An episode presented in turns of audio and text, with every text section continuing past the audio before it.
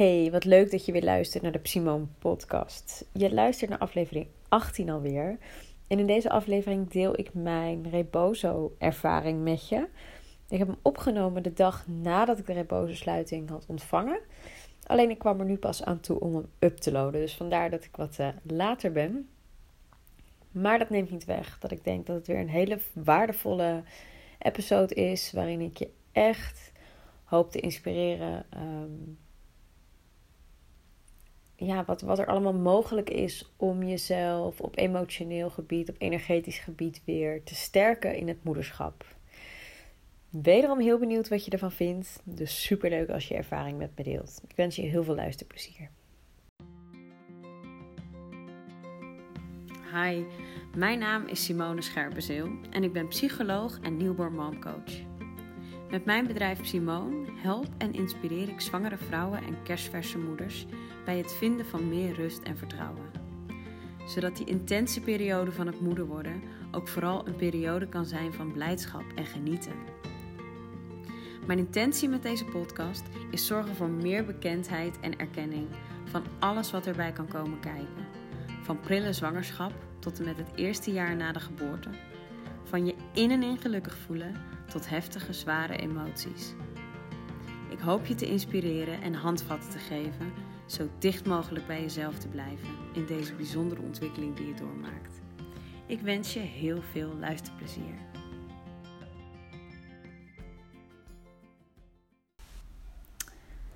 Het voelde een beetje als doodgaan, maar dan op een hele mooie manier of zo.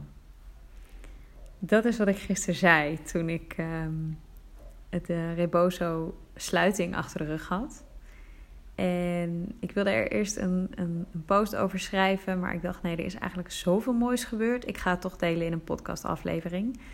Dus um, daar wil ik je nu in meenemen. Ik had uh, tijdens mijn zwangerschap al een Rebozo uh, zwangerschapsmassage ontvangen van Suzanne Wisse. Dat is van Mama Suus, met een Z aan het einde. Mocht je haar willen opzoeken, volgen of ook zo'n heerlijke Rebozo massage willen boeken. Um, ze heeft mij die massage gegeven tijdens de zwangerschap en Bob ook geleerd hoe hij met doeken mij kan masseren. Um, tijdens de bevalling, nou was er tijdens mijn bevalling natuurlijk helemaal geen tijd voor een Rebozo-massage. Maar goed, sommige geboorten duren iets langer en dan kan het heerlijk zijn om die doek zeg maar zo stevig om je buik te voelen. Dus ik had al ervaren hoe, het, hoe fijn het is om die geborgenheid van die doeken te voelen. Want dat is hoe het voelt als je zo'n doek ja, om, om je buik, om je lijf krijgt. En um, Susanna heeft zich heel erg verdiept in, in technieken, cursussen gevolgd. En ze had nu ook het Rebozo sluitingsritueel, wat ze heel graag um, ja, gaat aanbieden. Of dat biedt ze al aan in haar, um, op haar website. Als je interesse hebt, ga zeker even kijken.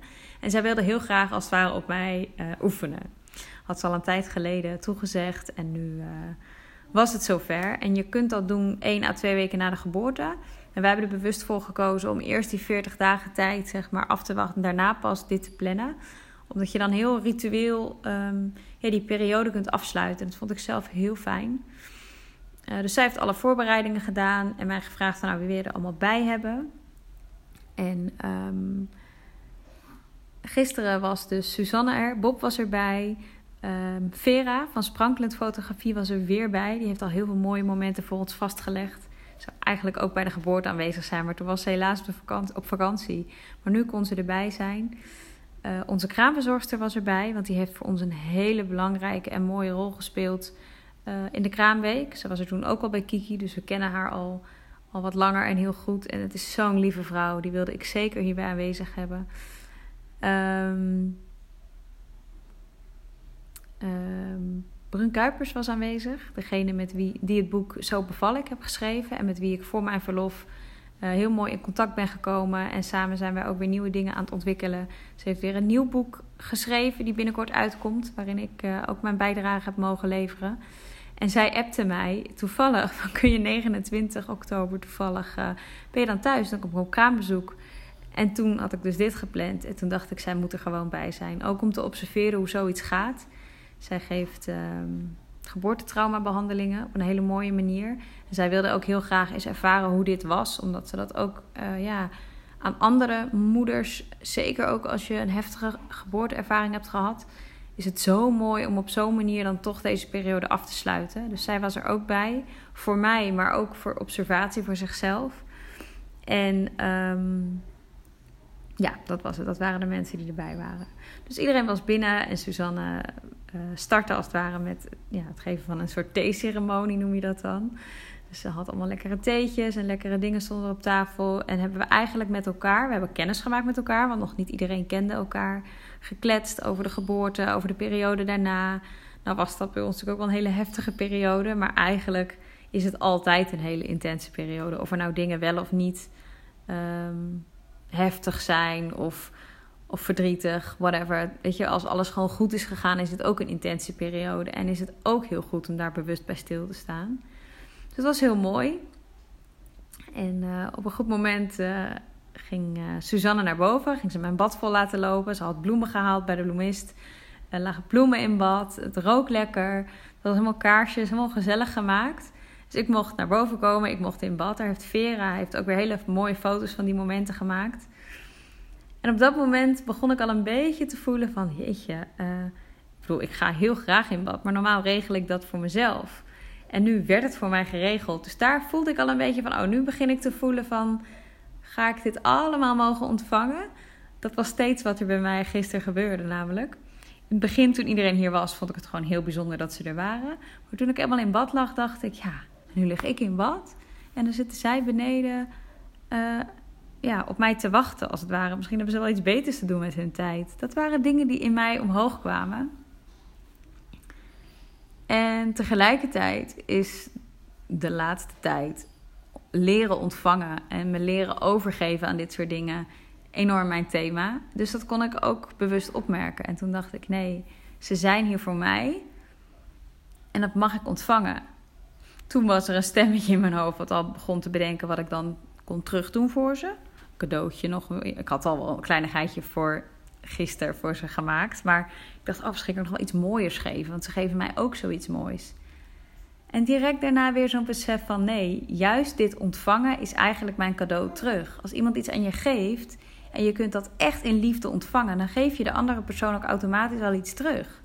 Als jij het niet goed kunt ontvangen, dan kunnen zij het ook niet goed geven. En ja, sta daar maar eens bij stil. Als jij iemand een cadeau zou geven en die persoon zou dat eigenlijk niet helemaal willen aannemen, dat voelt ook niet prettig. En als iemand juist heel blij daarmee is en zijn dankbaarheid toont, dan is het veel mooier om te geven. Nou, dat proces, dat ging helemaal door mijn hoofd.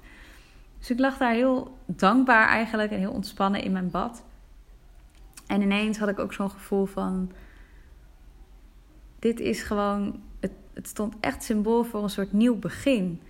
Want ook het traject wat ik afgelopen maand bij Jennifer heb gevolgd, van Jennifer's Healing Praktijk, ging ook helemaal. De boodschap die zij ook steeds voor mij had was: uh, ga meer ontvangen, ga meer openstaan voor ontvangen. En dan ga je echt in een andere energie terechtkomen. En dan kunnen er ook weer andere dingen gaan ontstaan. En dat besefte ik me gisteren ineens zo. Ik sluit een periode af, die kraamtijd. Maar ik ga ook een nieuwe periode weer in. Weet je, het is niet zo van bam, van de een op de andere dag is het anders. Maar het is wel de overgang die je heel bewust markeert. Van de kraamtijd afsluiten en weer ja, met twee kindjes weer verder.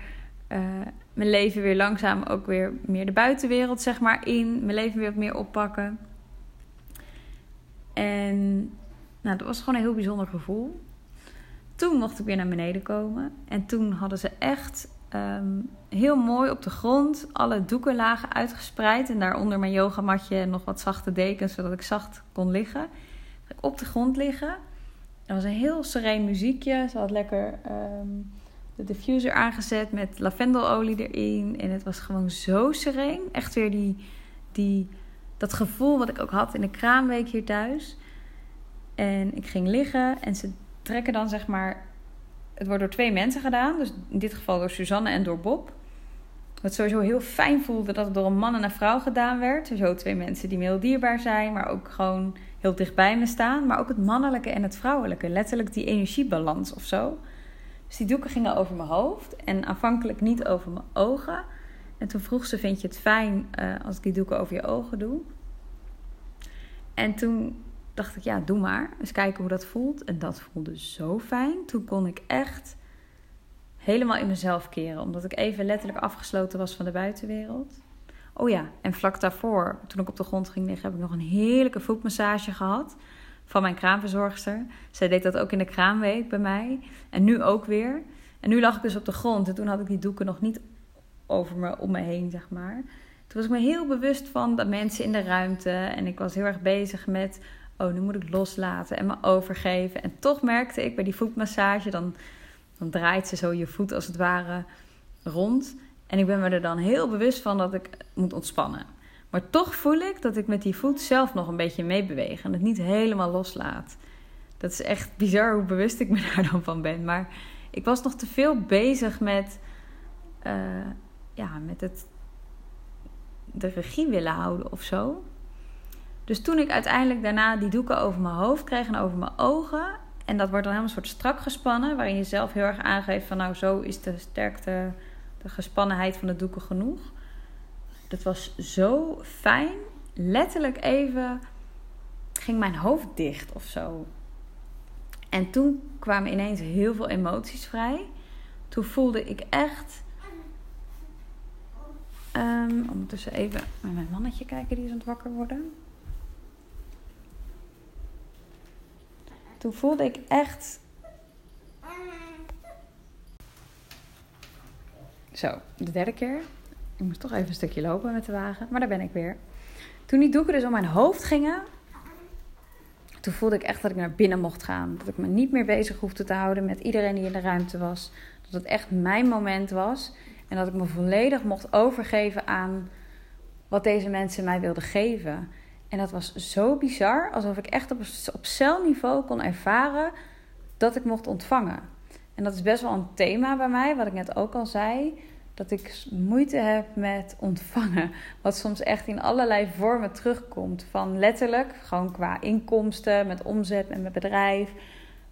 Uh, geld vragen voor de dingen die ik doe, omdat ik al snel denk: ja, maar ik geef het met liefde. Ehm, het ontvangen, het nemen van gewoon tijd voor mezelf. En ik had heel duidelijk als intentie voor gisteren gezet dat ik wilde kunnen ontvangen. En dat kon ik ineens zo voelen. En het voelde bijna alsof alsof ik dat voor een aantal generaties voor mij, dus mijn moeder, mijn oma en haar moeder, uh, dat patroon ineens doorbrak of zo. Van ja, altijd maar geven, ook kunnen ontvangen. En dat, dat, juist, dat je daarmee juist iets heel mooi geeft aan je omgeving. Nou ja, het was heel mooi en ik werd daar heel emotioneel van. En ik kon het echt loslaten. En toen gaf ik me echt volledig over. Nou, vervolgens was mijn hoofd, dat duurde zo'n zeven minuten, want ze delen dan, of ze sluiten je lijf als het ware in zeven delen, waarbij ze met je hoofd beginnen. Vervolgens was mijn schouder, mijn borstgebied uh, aan de beurt. Dus toen werd ik, werden daar de doeken heel erg strak getrokken. En het, het was zo respectvol en zo um, in overgave dat dat dus echt een beetje voelde alsof ik dood was. Alsof ik daar lag, volledig in, over, in overgang eigenlijk naar een soort volgende fase. En dat de mensen om mij heen mij heel respectvol behandelden bij de afsluiting van die fase of zo. Nou ja, het was heel mooi. Het was niet naar. Het klinkt misschien een beetje naar als ik zeg het voelt doodgaan, maar dat was het helemaal niet. En ook de rest van mijn lijf, vervolgens was mijn buikgebied aan de beurt. En daar had ik echt verwacht dat ik heel emotioneel zou worden, omdat dat toch voelt als ja, dat stukje bij, bij je baarmoeder, je buik, je zwangerschap, negen maanden je kindje gedragen. Uh, de kraamtijd is zoiets sereens, zoiets moois. Daar wilde ik eigenlijk helemaal nog geen afscheid van nemen. Maar juist dat gebied was eigenlijk vrij snel oké. En kon ik me echt voelen, daar ook echt voelen van... Ja, het is goed, die tijd is geweest. En nu is het gewoon weer tijd voor, voor een nieuwe fase. En vervolgens wordt dan je bekkengebied ook helemaal ingewikkeld. Zeg je bovenbenen, billen, bekken. Dat voelde enorm veilig. Wat heel erg overeenkwam met een, een affirmatie die ik van Jennifer kreeg. Die zei mij van de week: ga vaker tegen jezelf zeggen dat het veilig is om te ontvangen. En die kon ik daar ineens zo voelen: van het is veilig om dingen van andere mensen te krijgen. En daar hoef ik verder niks per se voor terug te doen. Of nou ja, was gewoon heel mooi. En vervolgens werden mijn benen nog gesloten, mijn voeten. En toen was het klaar. En daarna voelde ik me echt alsof ik vier dagen in de sauna had gezeten. Ik weet niet of je dat gevoel kent. Dat je echt een beetje zo suffig bent, een beetje zo high, heerlijk ontspannen, maar ook moe. Maar ook opgeladen of zo. Even weer een andere nieuwe energie opgedaan, maar je moet er eerst nog even van bijkomen. Dat gevoel. Dus dat was echt uh, ja, heel fijn. Daar was ook de ruimte voor. Het was ook, de stilte mocht er ook gewoon zijn. Voordat we gingen napraten erover. En wat ik ook heel bijzonder vond, Bob deed natuurlijk de sluiting ook. Die werd ook emotioneel toen hij mij emotioneel zag worden. Het was voor hem ook de afsluiting van een bepaalde periode. Periode waarin zijn oma is overleden. Bepaalde nummers, we hadden van die pianomuziek aan. Um, ik weet niet of je het kent van de Piano Guys, die dan van die mooie nummers uh, spelen. En toen op een gegeven moment kwam het nummer You'll Be In My Heart voorbij. En daarna nog een nummer van The Lion King. En dat zijn best wel ja, kenmerkende nummers voor ons die heel veel betekenen. En het feit dat we allebei onze emoties er konden laten zijn, dit samen hebben meegemaakt, deze fase samen heel bewust nu hebben afgesloten, was zo mooi. Nou ja, toen ging Bob heerlijk voor ons koken. Hij had een heerlijke risotto gemaakt en daar werd ook heel dankbaar op gereageerd. En toen hebben we gezellig gegeten. En vervolgens gingen de dames allemaal naar huis. En ja, voelde ik eigenlijk gisteren al van: oh, ik wil hier zo graag over delen. Want het is zoiets waardevols. Nou, ik geloof dat dat inmiddels wel duidelijk is geworden in deze aflevering. Dat ik het heel waardevol vind. Maar wat ik ook gewoon voelde is: het is niet alleen het afsluiten van, van je kraamtijd. Het is ook heel respectvol stilstaan bij je eigen lichaam. En het is ook echt een training in, in loslaten, ontvangen en overgave. En dat is zo mooi als je dat kunt ervaren. Dat, ik hoorde laatst ook iemand die had zo'n rebozo-sluiting echt nog 2,5 jaar na de geboorte van haar kindje gedaan. En zelfs toen had het op haar nog diepe indruk gemaakt. Omdat het gewoon over heel veel andere laagjes ook gaat. Niet alleen maar het afsluiten van je kraamtijd, maar echt iets over jou als vrouw, over je lichaam, over bepaalde fasen. En je moet er dus echt voor in overgave kunnen zijn. En terwijl ik daar lag, dacht ik ook, ik heb hier best wel heel veel mee geoefend de laatste maanden, het laatste jaar. Met ontvangen, met daar bewust mee bezig zijn, met mijn patronen op dat gebied. Dat ik me er nu ook echt volledig aan kon overgeven.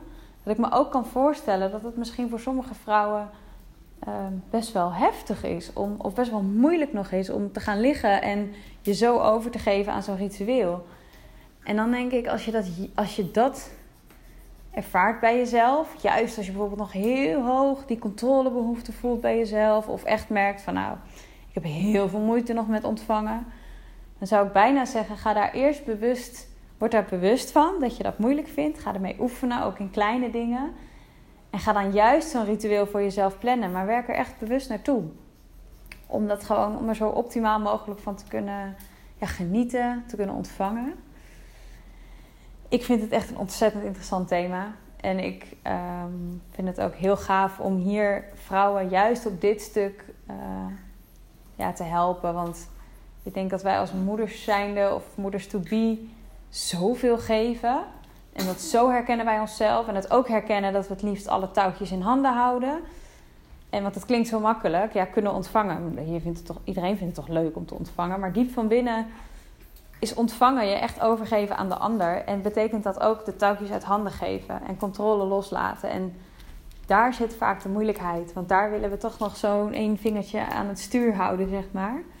Als je dat kan loslaten dan kun je ook zo in andere situaties dingen meer loslaten. En dat is zo waardevol. Dus ik voel ook echt wel dat, dat ik straks als ik weer ga beginnen. Of eigenlijk ben ik ook. Ja, beginnen. Wat is beginnen? Dit is mijn werk eigenlijk wat ik doe. Inspireren, uh, delen. Um, jouw inzichten ook weer geven voor jezelf. Maar als ik straks echt weer de sessies ga oppakken en de trajecten dan uh, is dit ook zeker een onderdeel van wat ik echt vaker nog wil doen. Vrouwen op dit stuk helpen. Mocht je dit nou horen en voelen van ah, hier wil ik al zo lang iets mee, stuur me gerust een berichtje. Op dit moment reageer ik echt nog niet meteen. Of ik stuur je even van ik heb het gelezen, ik kom er later op terug. Want mijn focus is echt nog steeds wel thuis en de baby en uh, gewoon mijn verlofperiode. Maar ik voel ook echt dat ik in november, december echt weer wil beginnen, zeg maar. En uh, dan vind ik het alleen maar heel mooi als er mensen zijn die voelen van... hé, hey, ik wil daar meer op. Dat ze dat gewoon laten weten. En dan uh, kunnen we misschien alvast wat plannen samen. Verder ben ik natuurlijk wederom benieuwd naar jouw ervaring als je dit zo luistert. Of misschien heb je zelf al een keer zo'n sluitingsritueel gehad. En ben ik ook heel benieuwd naar jouw ervaring. Of zijn er juist dingen die je heel erg moeilijk lijkt eraan of lastig? Ook heel gaaf als je dat met me deelt.